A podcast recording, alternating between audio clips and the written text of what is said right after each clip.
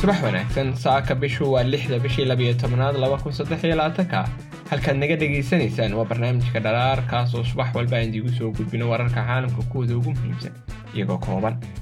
Lixda subaxnimo ayaanu ku baahinaa adeegyada boodkastyada sida spotify iyo apple bodcast youtube-ka iyo facebookana waxaanu ku baahinaa sideedda subaxnimo. Saaka waxaa idiin soo jeedinayaa anigoo ismaaciil cali asadex soo dhawaada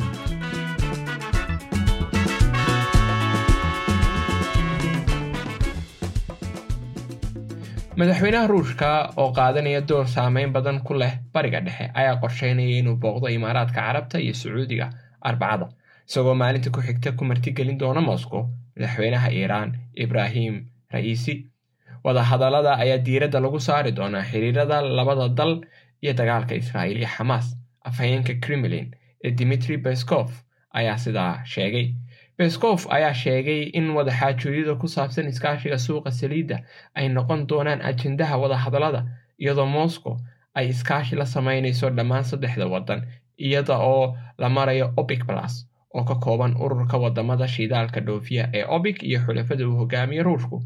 wadahadalladan xoogga waxaa lagu saari doonaa obic plus laakiin dabcan iskaashiga aagan ayaa had ya jeer ku jira ajendaha wadahadallada sidaa waxaa yidhi boskof kooxda obic plus oo putin uu ka caawiya abuuritaanka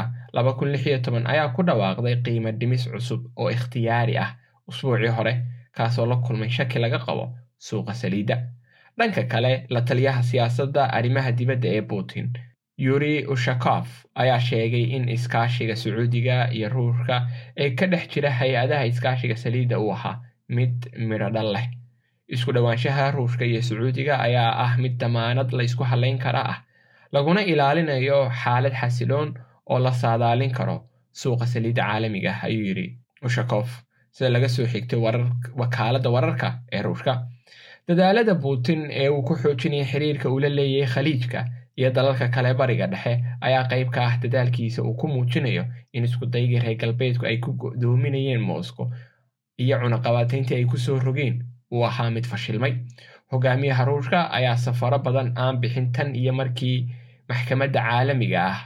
ee dembiyadu ay soo saartay amar lagu xidhayo bishii march iyadoo ku eedeysay putin inuu tarxiiliyey ama eedeymo lagu tilmaami karay inay yihiin eedeymo dagaalo. Dhinaca kale imaaraadka iyo sacuudiga midkoodna ma saxiixin heshiiska aasaaska ee i c c ama maxkamadda caalamiga ee dembiyada taasoo la macno ah inaysan ku qasbanayn inay qaataan amarada oo ay xidhaan putin. Marka la eego duqeymaha ay israa'iil ku hayso qasa ee ay ka aargoosanayso weeraradii toddobada oktoobar putin wuxuu dusha uga tuuray fashilka siyaasadda maraykanka ee maraykanku uu ciyaaray laba wajiile isagoo falastiin ka taageeraya dhinaca dhaqaalaha ama siinaya xaalad taageero ama caawin dhaqaale balse dhinaca kale uu cagta hoostiisa geliyey qaabkii uga caawin lahaa dowlad falastiin ah qaabkii loo abuuri lahaa. Wuxuu soo jeedinayaa putin in moscow ay ciyaari karto door dhexdhexaadnimo ah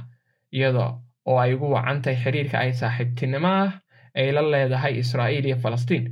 isagoo leh qofna kama shaki'i karo inaanu taageerayno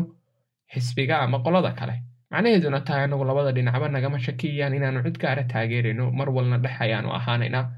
taas oo macno badan dunida bariga dhexe iyo caalamka islaamkaba uga turjumaysa. Weli haddaa duqaymihii way ku socdaan falastiin gaar ahaan khaza dhammaanteen waynu ducaynaynaa. Saaka intaas ayuu inoogu eegyahay barnaamijkeena subaxnimo. Maalin fiican oo qurux badan ayaan dhammaantiin idiin rajaynaynaa. Nabaday